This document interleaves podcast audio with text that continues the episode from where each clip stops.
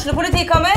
Ine Jansen er purk. Er du purk? The motherfucking bitch. Alt jeg vil, er å finne ut hva som skjedde med mannen min. Jon Carew. Er jeg sikta for noe? Iben Akeli. Det er du. Ole So, Lars Berrum og Big Daddy Karsten. Hvem sin side er du på, egentlig? Anette Hoff, Tone Danielsen, Kommer du fra Afrika? Jørnis Josef, Nesten. Kløfta. Trond Espen Seim, Det er synd å si det, men det var feil mann som døde. Purk. Premiere tirsdag på TV2 Play.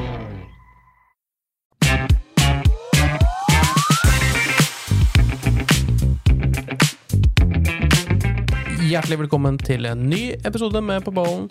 Mitt navn er Jonas Krabseth, og med meg her i studio så har vi som alltid Patrick Holte. Hei, Patrick. God dag, god dag, Jonas. Nå nærmer det seg seriestart. Jeg begynner å kjenne det i hele kroppen. Altså. Det er eh, kun dager unna mandag. Obos-ligaen i, i gang. Det, du, du gleder deg, du òg? Ja, det, det blir spennende å se et uh, Kongsvinger-lag som skal til Jæren og Bryne. Mm, tøff start. Ja, det er en tradisjonsrik eh, klubb. Det er eh, gresskamp. Eh, Nei, jeg gleder meg. Ja, og, og nå som det nærmer seg seriestart, nå har vi, hatt, vi har vært gjennom tabelltipset vårt. Vi har hatt Vegard Hansen her, Magnus Erga. Men i dag så har vi en, nok en godbit, vil jeg si. Espen Nystuen har vært innom studiet vårt.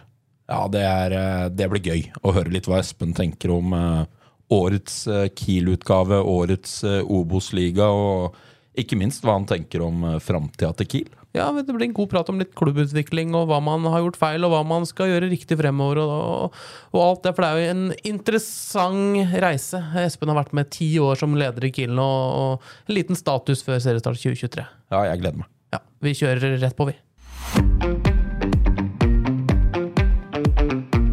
Hjertelig velkommen til eh, På ballen, Espen Nystuen. Takk for det. Noen dager unna seriestart. Hvordan eh, står det til med ja, forventningene? Nå er den deiligste perioden eh, snart over. Nå begynner stress å jage, så um, det er um, Jeg er spent. Mhm. Bryne i første seriekamp på bortebane. Eh, ja, hva, hva reiser man dit med? Hva slags ambisjoner? Ambisjonen er å komme derfra med poeng eh, og få en god start. Det er egentlig hovedfokuset. Mhm. Men eh, ja, Patrick. eh, seriestart rett rundt eh, hjørnet nå. Hva Av det du har sett i treningskampene så langt, er du, ha- har du blitt trygg på at dette blir et godt Kiel-år? Ja, jeg kan jo ikke begynne å gå tilbake på tredjeplassen vår i tabelltipset nå, Jonas. Men ja, konturene av årets Kiel-lag er veldig spennende.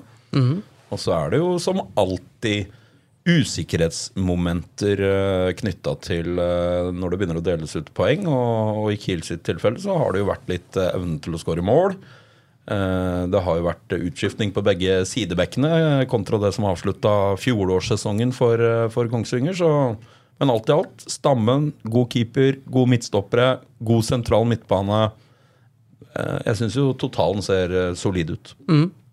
Er du enig i dette, Espen? Er det på en måte noe Vi tippet Kiel på en tredjeplass, eh, og man ser jo at mange av disse tabelltipsene har kommet ut nå. Mange tipper Kiel eh, ja, på, godt opp på øvre halvdel. Er det et tips man er eh, komfortabel med? Er det der man skal være? Det viser jo at vi har kommet et stykke på vei.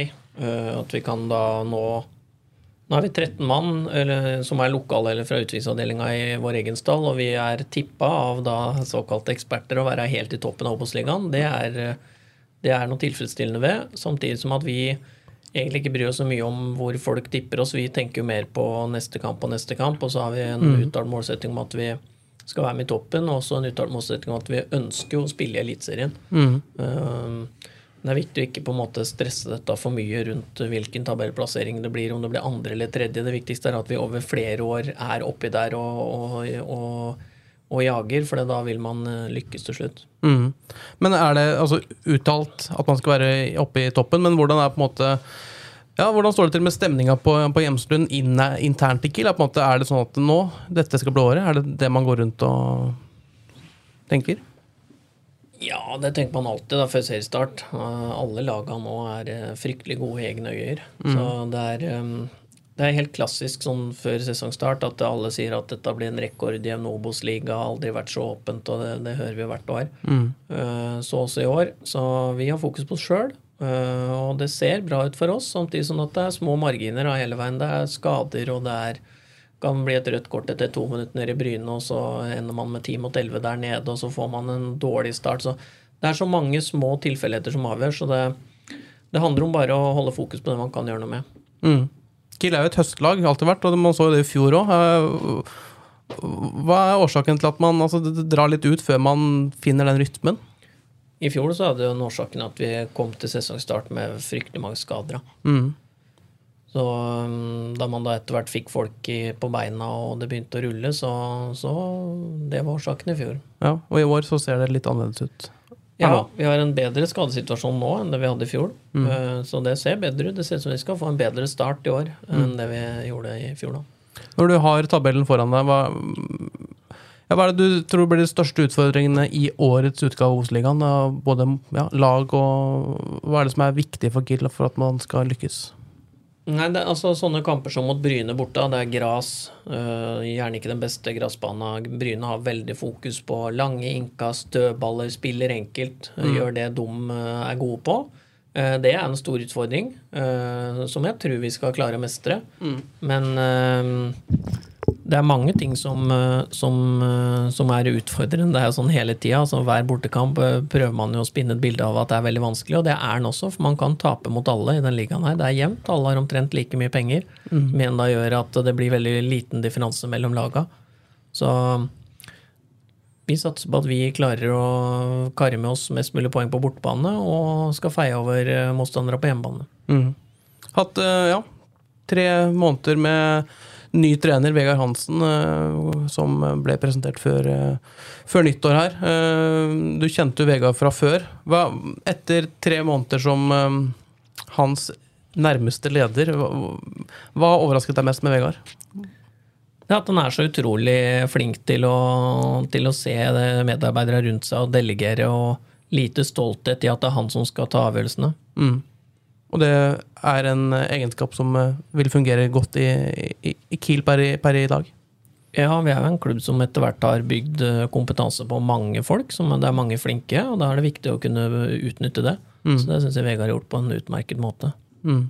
Og etter det du har sett i treningskamper og de månedene man har forberedt seg til eh, seriestart, hva, ja, hva, hva, hva slags følelse sitter du med? Vi har jo én seier Mm. på ni treningskamper. Fire uavgjort, fire tap. Det er ikke sånn at man hopper i taket av det. Eh, Jeg hører at folk melder at vi er favoritter, sånn, men da har de tydeligvis slutta å se på resultater Mm. som teller i fotball. Eh, Så mener vi da at vi har kontroll, at vi har en spillestil, et godt grunnspill som vi hadde holdt på med i mange år. Mange spillere som har spilt sammen over mange år, flere er rutinerte. Mm. Så vi ser jo konturene av noe, samtidig som vi i hver kamp har bytta oss ned, gitt folk eh, Alle i stallen har fått spilletid. Så det har vært en veldig god vinter for oss, og så veit man ikke før det blåses i gang eh, hvordan dette blir. Men eh, vi har god tru. Mm. Eh, Men med tanke på, på stallen, det ble sagt i Du uttalte til Glåmdalen forrige uke, at, eh, altså før overgangsvinduet stengte, at det var jakt på eh, noen forsterkninger. Det, per nå så har det ikke skjedd noe. Hva kan du si rundt eh, Ja, akkurat, aller først, deadline day. Det ble ingen signeringer før vinduet stengte. Hva, hva, hva skjedde? Nei, Deadland day, altså Sånn på slutten av vinduet så er det noen ganger det detter ut spillere som eh, er veldig bra. Mm. Uh, grunn av dominoeffekt i større klubber enn oss. Uh, Det gjorde det også nå, men vi klarte ikke helt å ro den siste der i land, uh, som vi hadde litt på kroken rett før det stengte. Det blei ble litt forhandling, og spilleren ville ikke. eh, under de forutsetningene vi la, uh, og det hadde ikke noe med økonomi å gjøre, det hadde mer med lengde på kontrakt å gjøre. Mm. Så da fikk vi ikke til noe. Og så samtidig så er det sånn at vi har jo takka nei eller vurdert utrolig mange på veien her. Mm.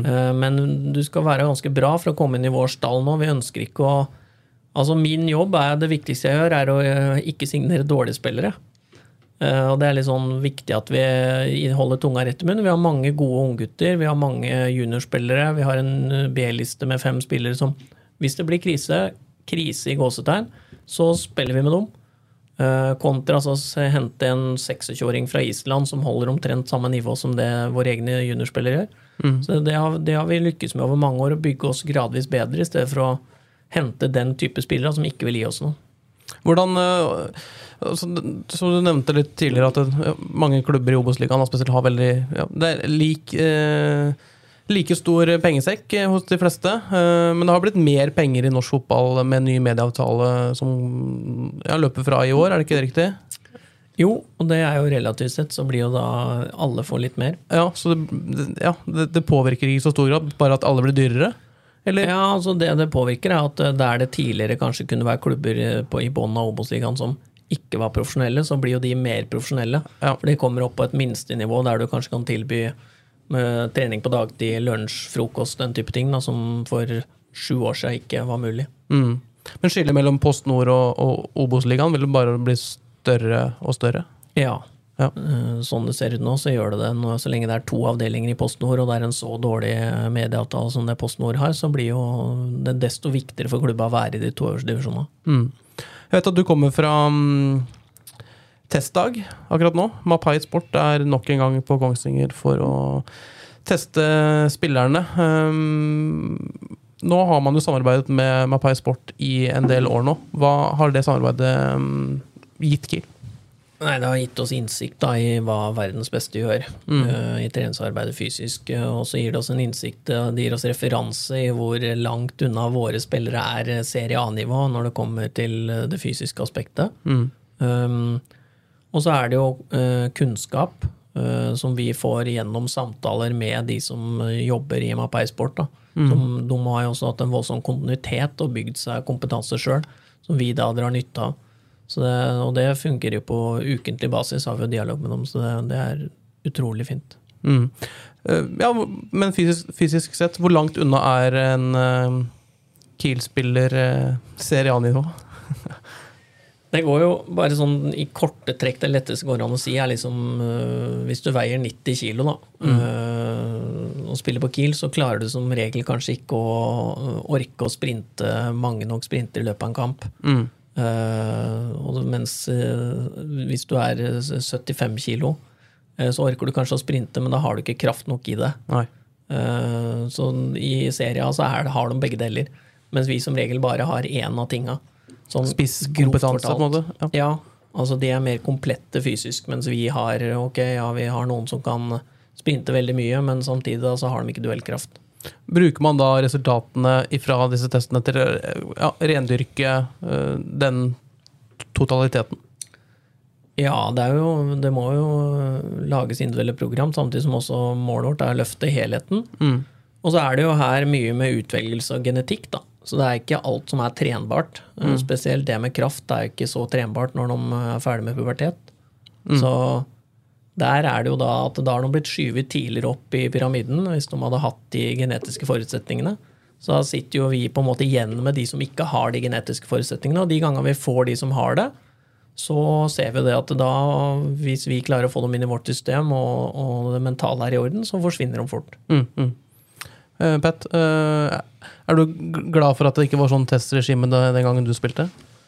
Ja, både òg. Jeg tror jo Jeg tror jeg var heldig, heldig født i forhold til genetikk på kraft og sånne ting. Ja. Så tror jeg hadde scora ok. Eh, men det som er interessant, er jo basert på de testresultatene å lage en treningsmetodikk. Altså, fotball er jo en kompleks idrett. I hvilken grad Espen, klarer man jo å tilrettelegge Altså at du kan løse mest mulig av de fysiske aspektene gjennom fotballtrening, og ikke ha spesifikke øvelser som ikke har noe med fotball å gjøre?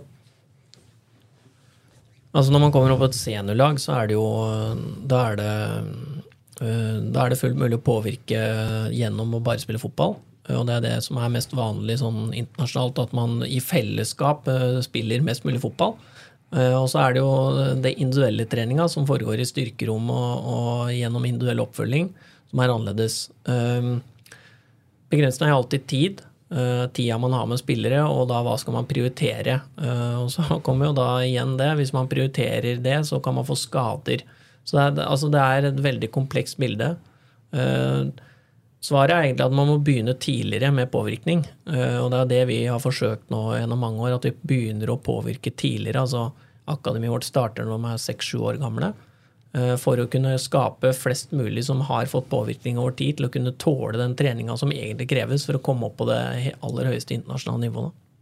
Har du fått deg noen aha-opplevelser etter, Mapei Sports eh, kom inn i, eh, altså, inn i atmosfæren din, altså i Kiel, eh, er det noe veldig spesifikt du har tatt med deg? Som du fikk en liten aha-opplevelse på?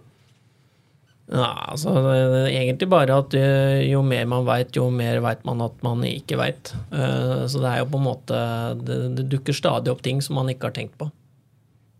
Har det vært snakk om å altså Nå har jo samarbeidet strekker seg tilbake til 2018 med det? Ja, jeg tror første gangen var april 2018. Ja. Har det vært snakk om å på en måte utvide samarbeidet både med Mapei Sport, men også den koblinga inn mot Sasolo? Trenerutveksling, spillerutveksling?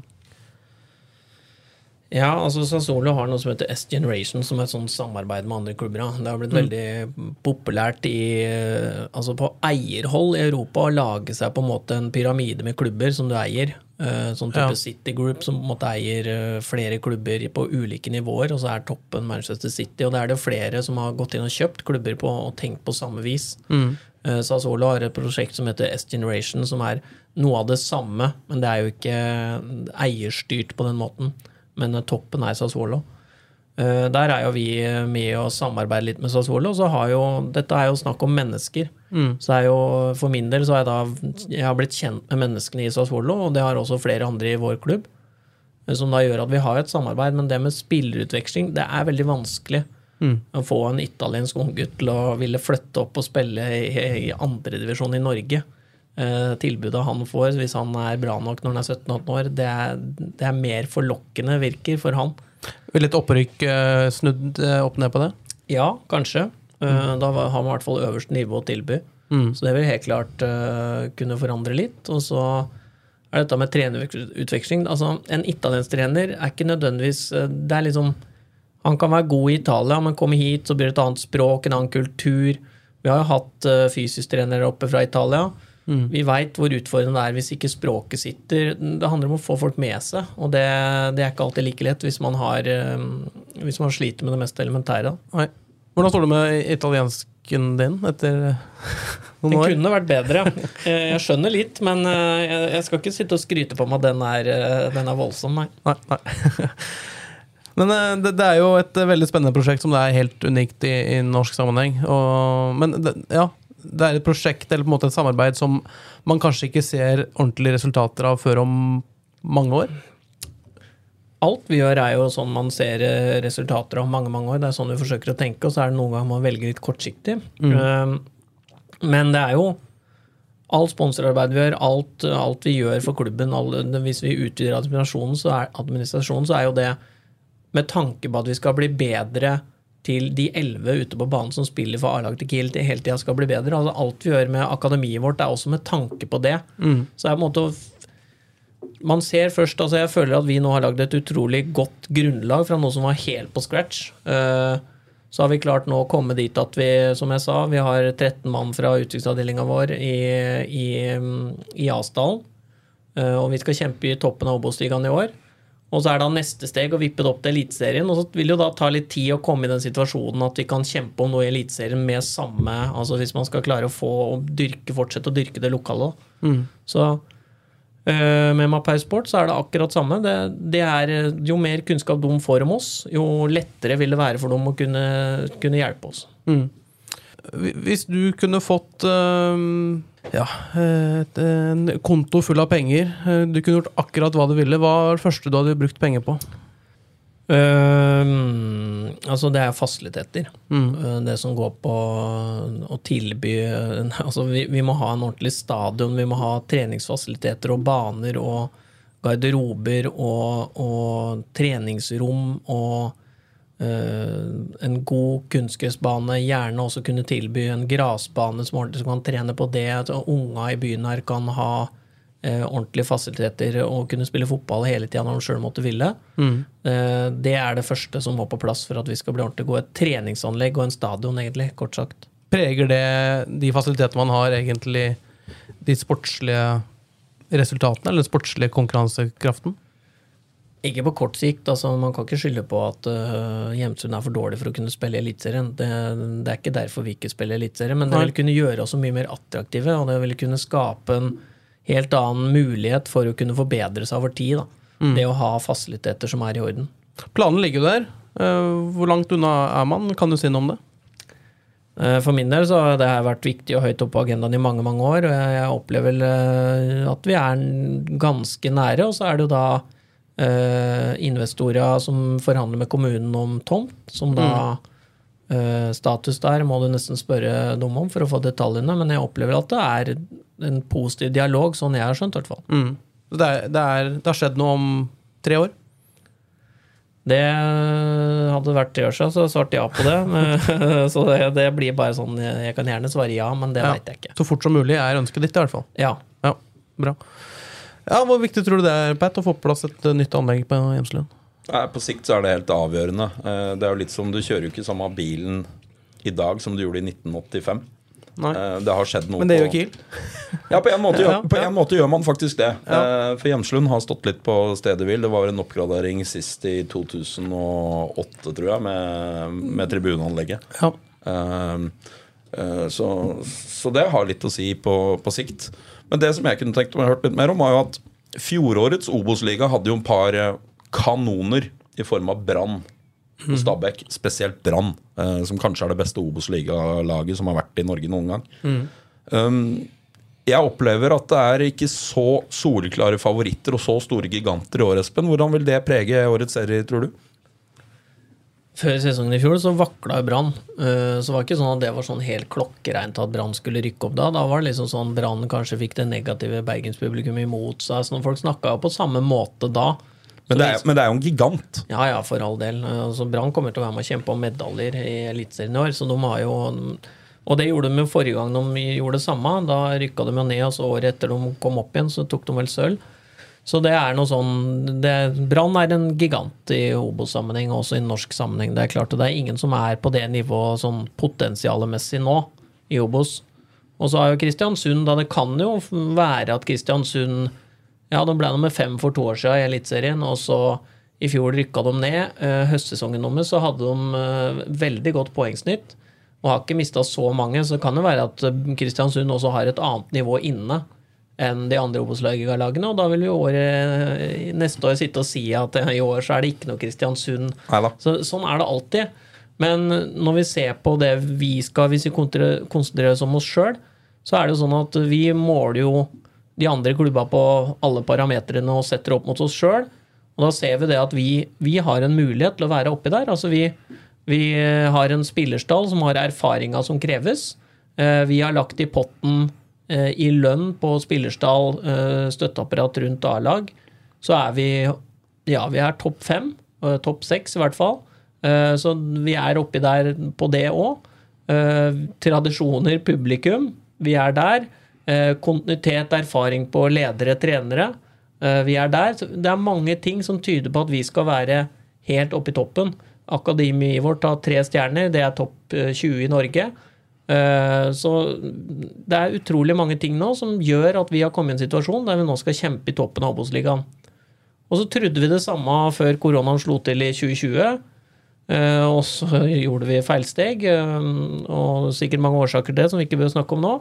Så det er aldri godt å vite i fotball, da. Så det er liksom, ting kan skje. Men eh, jeg er ganske trygg på nå at vi igjen, på mange parametere som er avgjørende for om vi skal være i toppen, så, så som det ser ut nå før sesongen, så er vi der vi skal Altså, vi skal være i toppen. Hvis ikke så blir det ny trener til sommeren, eller? Ja. Ja, Hvilke i årets utgave av Kiel er det som du tror kan overraske mest?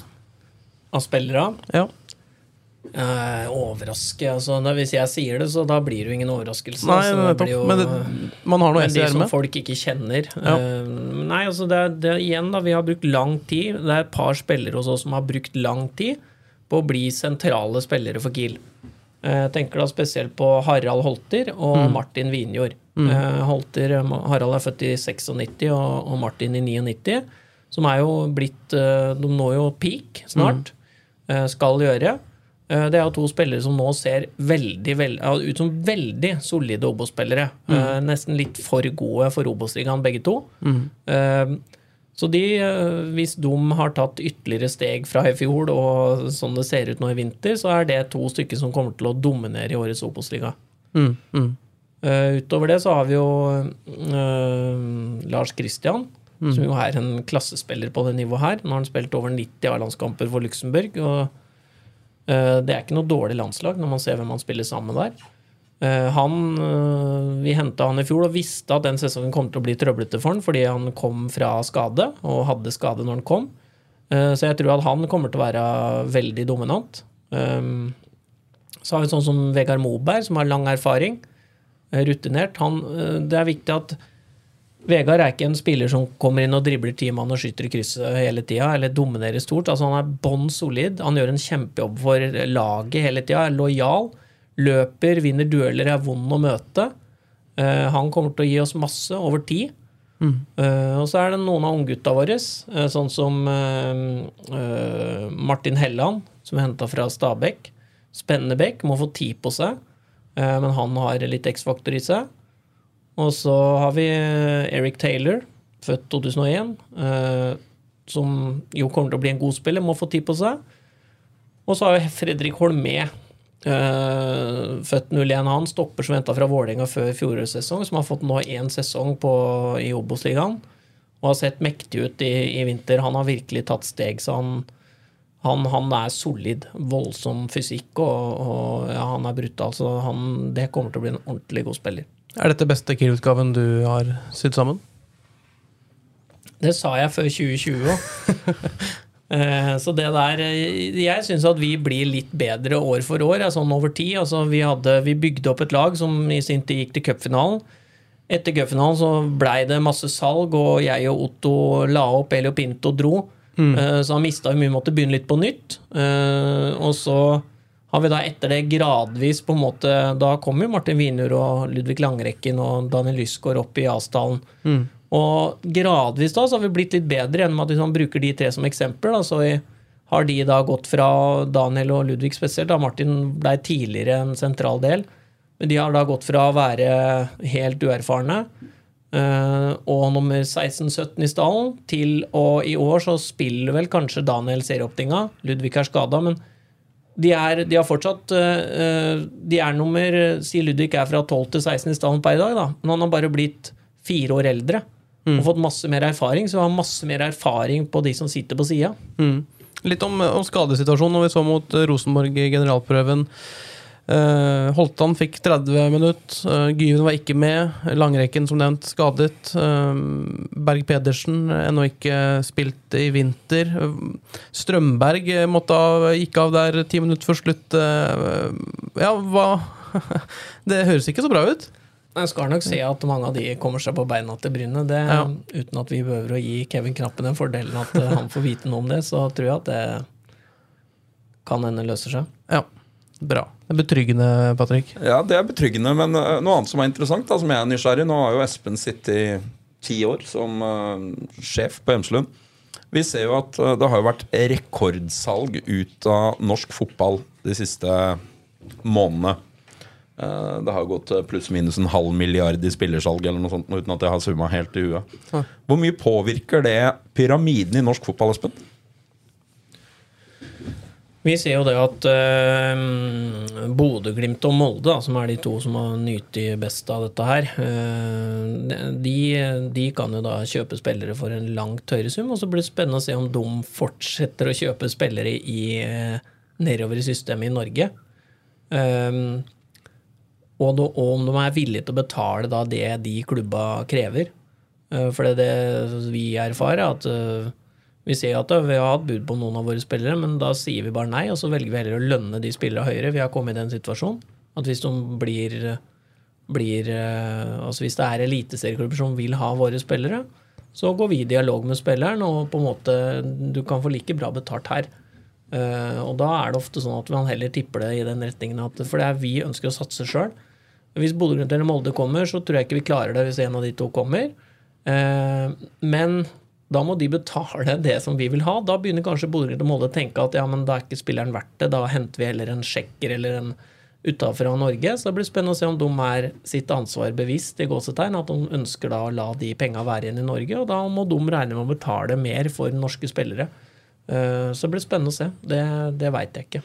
Nei, for jeg Ta våre venner på Hamar, da. Som er en uh, eliteserieklubb. Uh, det ryktes jo om uh, altså, De gjorde et godt de, de, var jo en av de første som starta den karusellen med et salg fra Christian Eriksen til Molde. Som mange mente var en rekordsum da. Ja. Og så har jo det hopa seg opp med de summa der på andre spillere i etterkant. Du har jo Molde, du har Bodø-Glimt, som Espen nevner. Så har du nedre sjiktet av Eliteserien, da, som HamKam er en del av, og den nye medieavtalen slår inn. Altså, hvordan innbiller du at kjøpekrafta og krafta deres er sammenligna med det beste Obos-klubba? Den er litt større. Uh, altså, det har jo også med Hvis man skal kjøpe fra Obos-ligaen og er en Obos-ligaklubb sjøl, så ender man med å måtte betale mye mer, og samtidig så er det ikke spilleren vil, for han vil jo gjerne til Eliteserien. Så det er jo ett aspekt. Men hvis man faktisk kommer i en situasjon der en sånn type klubb som HamKam, som vi er egentlig mye større klubb enn, så er det sånn at da, da For det første så er det ikke så veldig attraktivt for våre spillere å spille for HamKam. Men øh, hvis de skulle komme med og skulle kjøpe en av våre spillere, det har de ikke råd til. Uh, våre spillere er like gode som de som spiller på, på Hamar. Uh, hvis de da skal hente vår beste, som de på en måte i utgangspunktet sikkert vil ønske, så må de betale summer som de ikke har råd til. Så det, det, det har kommet dit at mange av de Obos-ligaklubba, sånn som vi, vi er ikke interessert i å selge til klubber som vi ønsker å konkurrere med å være bedre enn. Nei, og det, Så det du egentlig sier, er at det er Molde, det er Bodø-Glimt, det er Rosenborg Det altså det er en, til en viss grad de største klubba i Norge da, som, eh, som har kjøpekraft nok til å hente direkte fra Obos-ligaen så lenge Obos-klubbene er sunt drevet.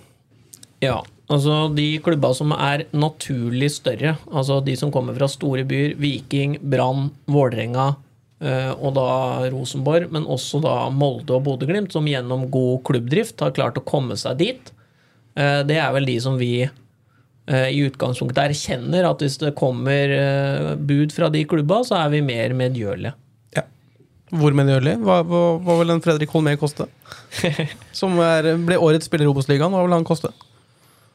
Nei, det kommer jo an på hvilke klubber som kommer på banen. øh, Og så kommer det an på hvilken divisjon vi spiller i. Ja. Øh, Men Fredrik, øh, jeg tror Fredrik er veldig glad i Kongsvinger blitt. Mm. Vi er glad i han. Så det kommer jo an på, igjen, hvilke klubber er det, hvor mange er det. Så veit ikke. Men hvor, eh, ja, hvor realistisk tror du det er at man får et sånn rekordsalg fra Kongsvinger eh, i løpet av eh, noen år? Eh, Man ser eh, går spillere for 3,5 millioner euro ut fra Stabæk. Ja, det er jo um, øh, vanskelig å si, men altså, vi, for å kunne ha et salg ut av øh, altså en virkelig sum, så må man rykke opp. Uh, Stabæk rykka jo opp til året om solgte Gift Orban, men allikevel så er det vanskelig for en klubb på andre nivå i Norge å selge rett til øh, Belgia eller Nederland. Uh, så man må rykke opp, da. Uh, og Så må man da spille en sesong der, og så er det da avhengig av hvor godt den spilleren gjør det, samtidig alderen på den. For, å se, for at det skal være attraktivt for de klubba ute der å kjøpe. Uh, og det er jo, hvis vi rykker opp, så da sier det seg sjøl hva vi på en måte må gjøre som klubb for å, for å klare å ta neste steg. Og uh, da må vi forynge oss. I hvert fall satse på enkeltindivider som er unge, for at vi skal kunne generere større inntekter. For det er begrensa hva vi kan få ut av publikum på Kongsvinger, fra sponsorer på Kongsvinger eller fra medieavtalen. Den største, største potensialet for å få penger inn for å igjen investere i klubben, det ligger rundt spillelogistikken. Og da eh, var så vidt inne på det, akademiklassifiseringen. Eh, du nevnte at eh, der har Kiel tre stjerner, som gjør Kiel til en topp 20-klubb i Norge, er ikke det riktig? Jo.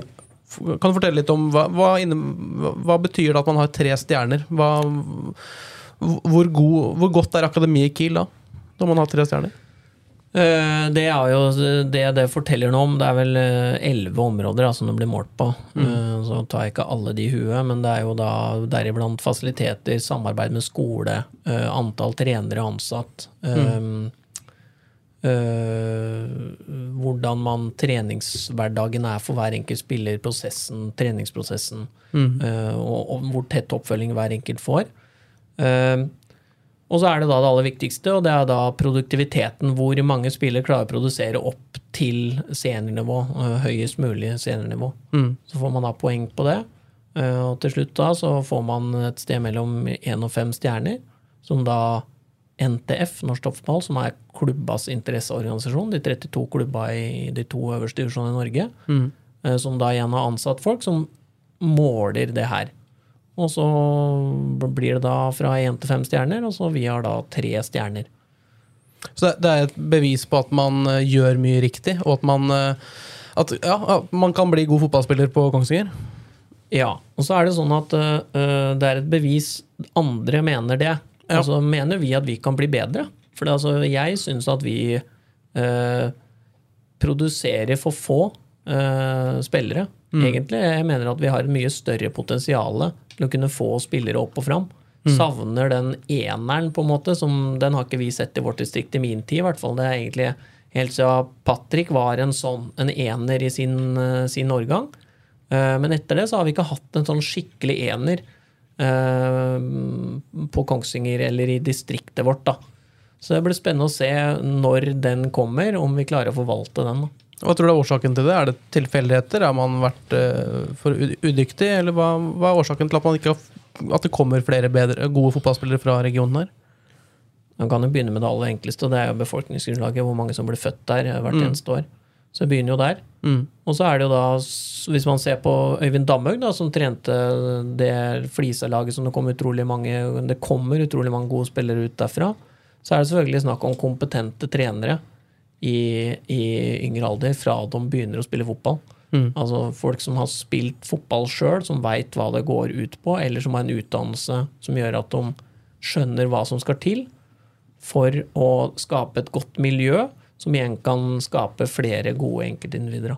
Mm. Så det har igjen med det, den, den, den Altså hele prosjektet vårt, da, Kiel, går ut på at man måtte satse på lokaler fordi at de skal flytte hjem og trene unga sine. Det er et ledd i det å få den eneren, eller få enda flere spillere fram. Da. Fordi det, den, den eh, egeninteressen som ligger i det å få en sønn eh, eller ei datter, og så trene det laget, den, den klarer du ikke å få betalt en ungdomstrener til å ha. Altså den, den innsatsen du da legger ned, den, Et barn eller en, et avkom betyr jo alt for deg.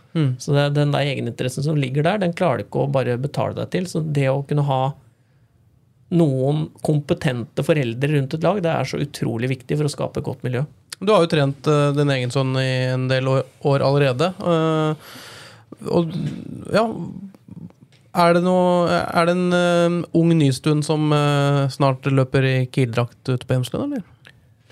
Det er jo opp til han sjøl, da. Eh, Men, ja, men det er litt opp til far òg. ja, det kan du si. Men eh, det, det miljøet som er rundt Oskar, som er min sønn, det er et godt miljø. Som der kommer det til å komme flere gode fotballspillere ut fra det. Det er helt klart. Mm. Det blir spennende å se, for det er på en måte da beviser jo du at eh, det fungerer. da det, Når man er med hele veien. Ja, hvis ikke det fungerer, så må jeg bare trekke tilbake alt jeg har sagt. Så det, får jeg håpe fungerer. Men hvis du ser på um, de beste fotballspillerne i Norge nå, da, Jonas. Da, da er det jo lett å trekke fram Martin Ødegaard og Erling Braut Haaland av naturlige årsaker. Det er vel ikke helt tilfeldig, kanskje, at det er nettopp de. Nei, det er jo ikke det. Og hvis du tar resten av A-landslaget herrer, så er det en del andre fotballnavn. Det er en ja. del fotballnavn som går igjen i, i troppen der også. Jeg tror Espen er inne på, på kjernen her. Altså, klarer man å være en del av et sunt og godt miljø som syns å trene er det artigste du veit, Mm. fra ung alder, så, så kommer det til å skape resultater over tid. Mm. Det er vi helt sikre på. For det er, eh, det er ikke så mye jeg kan om fotball. Men jeg er helt sikker på at oppskrifta må gjøre ting ofte nok og lenge nok. Det er en god start på om du blir god. Jeg fikk, eh, jeg fikk faktisk et minne på, på Snapchat i går. Da var jeg og så seriepremiere på pub i Oslo eh, 2017. Bodø-Glimt Kongsvinger sto det på en sånn gatebukk jeg tok bilde av. Eh, det har skjedd en del ting i Bodø siden 2017. Eh, sportslig så føler man kanskje at Kiel har stått ganske rolig. Eh, man er fortsatt i Obos-ligaen. Eh, man var sikkert spådd eh, på øvre halvdel i 2017 nå, eller i hvert fall Men i 2023 så er Kiel på samme sportslige nivå. Bodø-Glimt har hatt en helt vanvittig reise. Hva er, Hva er årsaken, og hva er det Kiel kan Hva er det Kiel kunne gjort annerledes de åra for, å- for å ha noe, en, en, en tilsvarende reise som det Bodø-Glimt har hatt? Jeg tror at øh, det vi har gjort de siste åra, det er jo en opprenskning. Eller de siste ti I hvert fall de ti åra jeg har vært i Kiel nå, så har mitt fokus vært at vi først måtte rense opp, og så måtte vi måtte starte noe nytt og bygge steg for steg og stein for stein.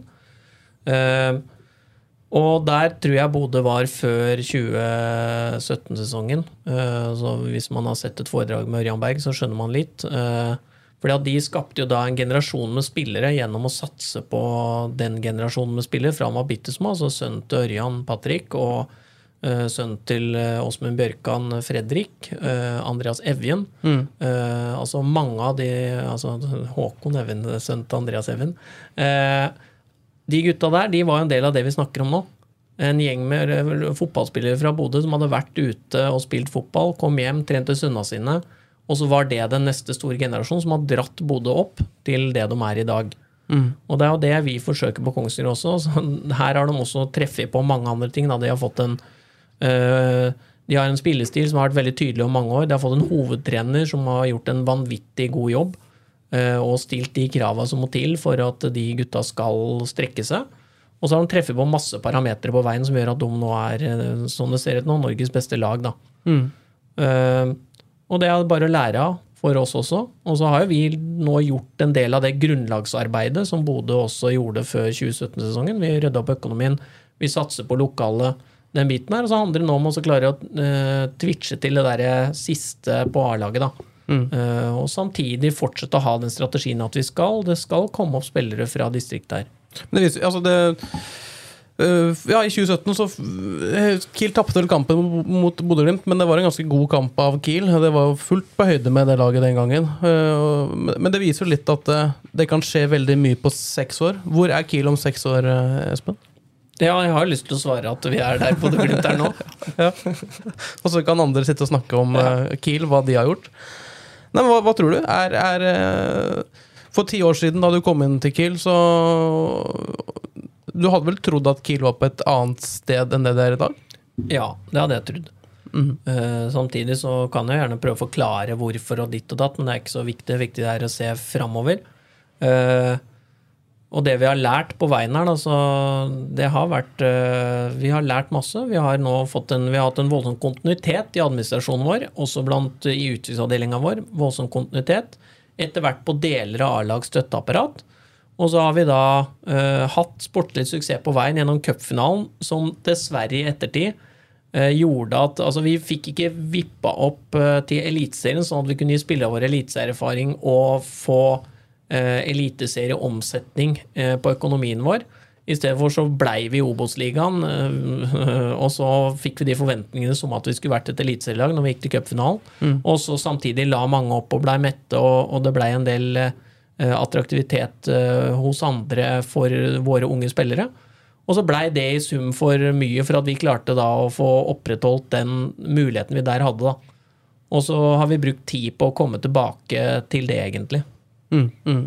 Et opprykk hadde egentlig gjort mye. Er altså, de effektene det setter i gang, den giringa det gjør, bare ett ett år i Eliteserien, med den økonomien det medbringer og altså, Ja, og så skaper du nye supportere. Altså Ja. Du skaper en generasjon med supportere. og Det skjedde jo også med cupfinalen. Altså, du skaper en ny generasjon med supportere som øh, Hvis du da var eh, 10, 11, 12, 13, 14 år da når Kiel kom til cupfinalen, altså født øh, 03, 04, 05, 06, så heier du mest sannsynlig på Kiel.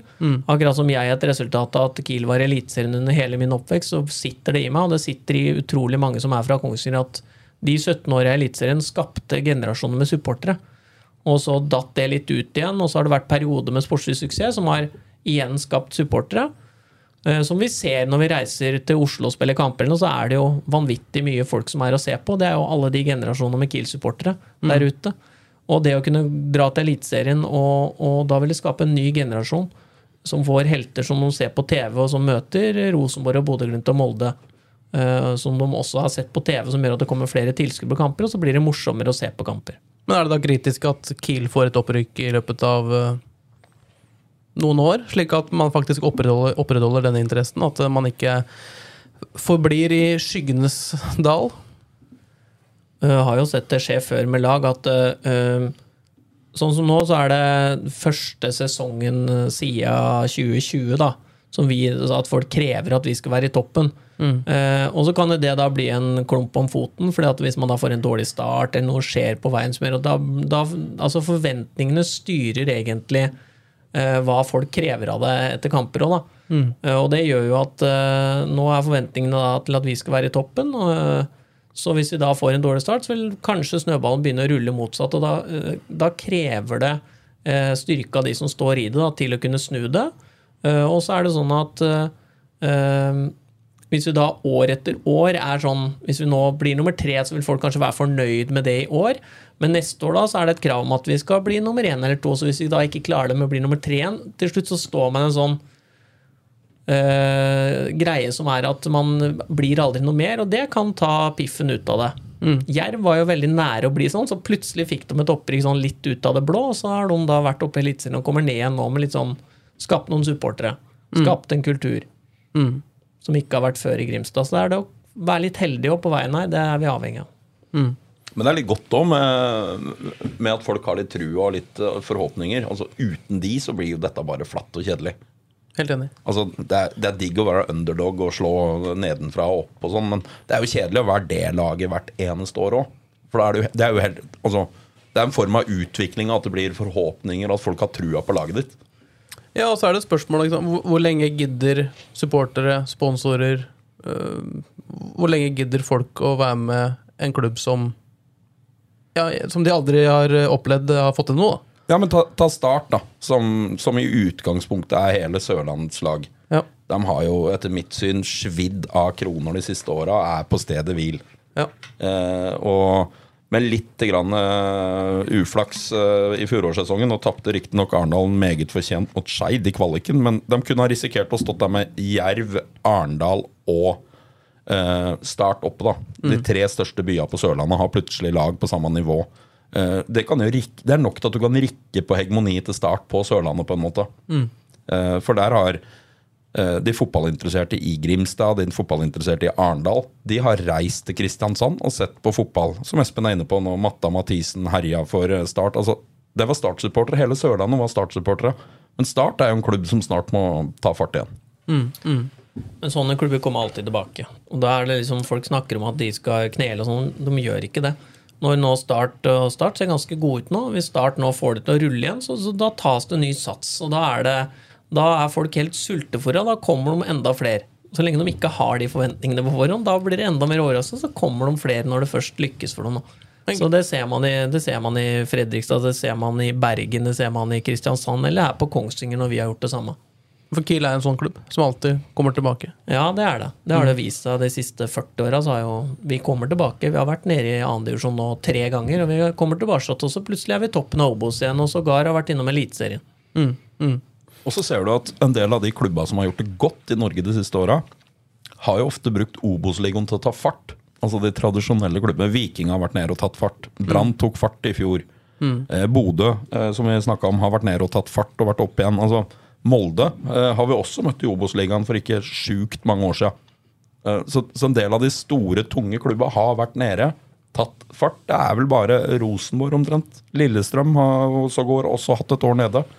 Så, så det, det er mange som har vært nede en tur og henta litt kraft. Så Kiel har bygd opp en enorm kraft. da Ja, de har enorm, eh, enormt langt tilløp. Så, så det, det svevet Kiel står overfor her, det kan bli langt. Ja, men, ja, men det er jo riktig som Man har bygd klubb over mange mange år nå. Man, man er jo klare for et opprykk uh, når det kommer til eh, alt rundt uh, elveren. Er man ikke det, Espen? Jeg føler det. Eh, Jeg føler at vi eh, Igjen, folk på Kongsvinger er sulteforår å være i Eliteserien. Det vil kunne gi oss voldsomt hvis vi klarer det. Uh, akkurat nå så føler jeg at vi er nære. Og så er det tilfeldigheter eh, i ene eller andre retningen som til slutt kommer til å avgjøre. For sånn er det i fotball. Altså, noen ganger treffer du innsida av stolpen og går i mål. Andre ganger så treffer du midt på stolpen. Det er, det er sånne små ting som avgjør. Eh, til slutt. Og så er det om å gjøre å vippe de tilfeldighetene til vår fordel, og det er dyktighet. Men, men du personlig, da, Espen. Altså, du er jo født inn i en fotballfamilie her på, på Kongsvinger. Du har hatt en far som har hatt en uh, meget lang og fin karriere i, i Kiel. Du har hatt uh, i hvert fall én onkel som har spilt på A-laget. Jeg veit ikke om uh, yngste onkel Ivar også fikk A-kamper for, uh, for Kongsvinger. Men, men du er født mer eller mindre født og oppvokst i garderobene på Hjemselund. Du har spilt i Kiel, du var ute og henta erfaring. Så kom du tilbake igjen som spiller og som eh, leder. Hva har du tenkt på den eh, ti år lange reisa du har hatt som leder? Er det noen ganger du har følt deg oppgitt? Orker jeg stå i dette her mer? For det, man får jo oppturer og nedturer eh, i et langt fotballiv. Ja, det er jo det å vite det. da. Jeg tror ikke det er mulig å overleve hvis man ikke skjønner at dette går opp og ned. Altså Det ene øyeblikket så er det opptur. og altså Dette går jo fra helg til helg. Det har jo både du og jeg levd med hele livet vårt, Pat. at det, det er jo sånn at Vinner man på søndag, så er man, våkner man mandagsmorgenen og det finnes ingenting bedre. Og taper man, så er det motsatt. Og noen sesonger er bra, noen er dårlige. Altså, det er vel bare Rosenborg som kan si at de har hatt altså, De hadde vel 13 år på rad der de vant seriegull. Allikevel så var det masse kritikk, og Nils Arne Eggen holdt på å få sparken mange ganger. Så det er liksom bare sånn fotballen er. Og hvis du ikke er beredt på det, eller ikke er vant til det, så overlever du ikke lenge. Da, blir du, da går du fort i bakken, og det har jeg sett mange eksempler på av de som har sittet i min jobb, da, både her på Kongsvinger, men også andre steder, at uh, man er kanskje ikke beredt på det, den støyen som kommer ved, ved dårlige, dårlige, tider. Da. Nei, for Jeg er jo litt opptatt av at når du går inn i en sånn jobb som du har, da, eh, som eh, Det er jo lov til å si at det er et etternavn som også forplikter litt til Kongsvinger-fotballens altså Nystuen. Erik Nystuen har vært den han har vært i, i Kiel-fotballen. Du går løs på en sånn oppgave med hud og hår man har en visjon, man har en drøm. Det hadde garantert også du når du takka ja i, før 2013-sesongen, eller når det var. Eh, og så får man jo noen ordentlige slag i trynet. Hva er det som gjør at du står opp om morgenen og orker å motivere deg til å gå løs en gang til? Jeg veit ikke om noe annet. ja, det er, Men det er det korte og greie svaret? Ja. Ja, ja men det er greit. hva, hva, annet hadde du gjort? Hadde du ikke vært i fotball? Det veit jeg ikke. altså Når jeg spilte sjøl, så da tenkte jeg egentlig ikke at jeg skulle fortsette i fotballen etter karrieren. Det var egentlig ikke det jeg tenkte. Men så Jeg har jo utdannelse utafor fotballen nå, eh, så jeg tenkte egentlig mer i de retninger at nå administrasjon og ledelse eller et eller annet den biten der. da. Mm. Eh, men så blei det som det blei, da. Så da blei det liksom bordet fanger, og nå kjenner jeg jo ingenting annet. Så det er på en måte nå er det for seint? Ja, nå er det for seint. Det er den kompetansen her jeg har. Jeg, ja. jeg har drevet med fotball hele livet mitt. Eh, kjenner bransjen, spesielt da ja, altså skandinaviske fotballbransjen, kjenner jeg inn og ut. Eh, så da vil det jo være å kaste bort noe òg. Hvis jeg har brukt så mange år på å bygge opp den kompetansen jeg har, da, så plutselig skal jeg slutte nå, så er det, da føler jeg at det er litt bortkasta. Men hvis du skulle slutte i morgen, hva, hva, skjer med Kill da? Er du en for viktig mann for Kill? Eller er, sitter det kompetanse der som kan bære dette videre? Målet er å bygge opp at det skal i hvert fall eh, bli sånn. Og så er vi fortsatt sårbare for enkeltpersoner. Det tror jeg er, eh, det er vi helt klart. Eh, så ja, foreløpig så er vi litt avhengig av det. Men samtidig så ser jeg bedring over tid. At vi har Nå har vel du vi har 40 årsverk. Mm. Så det er klart, Og mange har sittet og jobba mange år. altså I administrasjonen vår så har vi nå Sigmund eh, Dalsberger, Rune Lundgren, Stein Erik Stormoen og meg. Sigmund, Sigmund, har sittet lenger enn meg i sin rolle. Rune har sittet i ti år, han òg. Eh, Stein Erik har nå jobba hos oss i, i, det er vel tredje året. Ett år har han vært der. Ett år, ja. Som vi følger med tida går fort. eh, det klipper du fint bort. Ja. Eh, Stein Erik har eh, nå jobba hos oss i ett år, eh, og vi håper at han blir mange år. Og så Samtidig så har vi Trond Amundsen, Erik Gustre, som er i utviklingsavdelinga, som har sittet i utrolig mange år. Eh, så vi, vi, begynner å bli en del personer her da, som har eh, i, i administrasjon og støtteapparat. Johan Wennberg har vært i mange år på A-lag. Eh, mm. Martin Skogli Holt har nå sittet i flere år. Så det er på en måte mange som da etter hvert uh, har blitt flinke og erfarne i jobben sin, som disse personene skal jo dra det videre. Og så har jeg min rolle, som selvfølgelig per i dag er en avgjørende rolle for Kiel. Og så er det da den dagen, eh, hvis den dagen skulle komme, så da blir det jo andre som må gjøre det samme. Så da blir det opp til den personen. Og da håper jeg at vi har bygd så mange personer som har kompetanse rundt den personen, som gjør at det den eventuelt måtte For det, den må få lov til å gjøre feil. Mm. Eh, men at det vil da bli båret av andre. Mm. Men det, det, det, er jo riktig at um, du har jo hatt andre muligheter. Andre klubber som har vært interessert i å, å hente deg som uh, sportslig leder. Um, Hva er grunnen til at du takka nei? Er det fordi du føler at du fortsatt har en del å bevise her? Jeg føler ikke jeg har noe å bevise, men jeg har, eh, jeg har eh, Jeg tenker ikke sånn rundt meg sjøl at jeg Jeg har vært rundt og spilt i andre klubber, jeg har sett hvordan andre klubber fungerer. Det jeg ønsker, er uh, at Kongsvinger skal bli gode. Og da, hvis jeg skal hoppe av det Eller hvis jeg skulle hoppe av det da på veien, så hadde, da hadde jeg ikke fått sett hvor gode Kongsvinger skulle bli. Uh, Så det er litt av hovedgreia mi, er at så lenge jeg jobber her, så Jeg er Kongsvinger-gutt. Pat nevnte i stad. Jeg er veldig opptatt av Kiel. Og jeg vil at Kiel skal bli gode. Og så etter hvert så har vi fått mange gode samarbeidspartnere på veien som også er opptatt av det samme. altså Trond Hagerum Apei, Roy Holt, Erik Veiby, etter hvert Fredrik Holt. Eh, disse gutta er opptatt av de samme tinga som de er opptatt av. Og det er at vi eh, som region, altså hvis man tenker enda større, ikke bare fotball, den regionen her må vokse, og da kan fotballen være med og bidra til det. Og det er viktig for meg å få den snøballen å rulle, og da bryr ikke jeg meg om jeg sitter noen sportsleder et annet sted. Altså Dette her er mye morsommere å jobbe med enn å bare sitte og dytte spillere inn og ut. Så det er Kiel som er eh, Ja, per i dag så føler jeg det vært, eller har i hvert fall vært sånn for meg fram til nå. Og fortsatt føler jeg det sånn. Nei, men det, det er godt å høre det her, eh, Patrick. Ja, og rollen Espen har spilt i det moderne Kiel, hvis vi skal kalle det det, den er jo avgjørende. Jeg har jo vært spiller i Kiel i litt andre tider. Jeg husker bl.a. at vi fikk eh, delt opp lønna i to eh, for at det ikke var eh, likviditet på konto. Um, og, det var jo på en tid der lønningene ikke var høye, for å si det pent. Um, og, Tydeligvis for høye. ja, altså det kan, det kan man jo si. Du var jo også en del av den spiller Den generasjonen spillere som eh, Vi klarte vel å gi det et løft den gangen fra å ligge helt med knekt rygg. Så kom det, vi var inne på det i en annen episode her, 2003-sesongen. Som vi egentlig slo litt uh, ut ifra intet. Hadde et bra lag, men eh, skapte litt historie på Kongsvinger den gangen. Og, og, og Espen har jo vært med nå og bygd opp et mer profesjonalisert Kiel. Som står stødigere. Det er uh, Du får lønninga di når du skal ha lønninga di. Eh, altså Det der må på plass. Hvis du skal overleve som klubb i dag. Det holder ikke med noe cowboyvirksomhet mer. Og der har jo Espen vært en foregangsfigur på at det skal være trygt og godt. Litt cowboy er lov. HamKam har drevet cowboy og lyktes med det, så det er jo um, flere veier til rom. Ja, men jeg, jeg har ikke noen tru på i det lange løp at det er en del ting det må være kontroll på. Ellers så går det ikke. Nei. Vi kan la det bli til historie i dagens episode, tror jeg, Patrick. Vi har vært gjennom veldig mye her nå. Eh, Eller brenner du inne med noe mer, eh, flere spørsmål til Espen? Nei, Først er her, rett Ja, før seriestart. Rett før seriestart. Nei, vi, vi, vi må jo utfordre han på et lite cowboytips. Hvem blir nummer én og to i Obos-ligaen? Det tenkes. Mm, jeg håper at, eh, at det blir at Kongsvinger tar én av de to plassene. Eh, hvem den andre blir?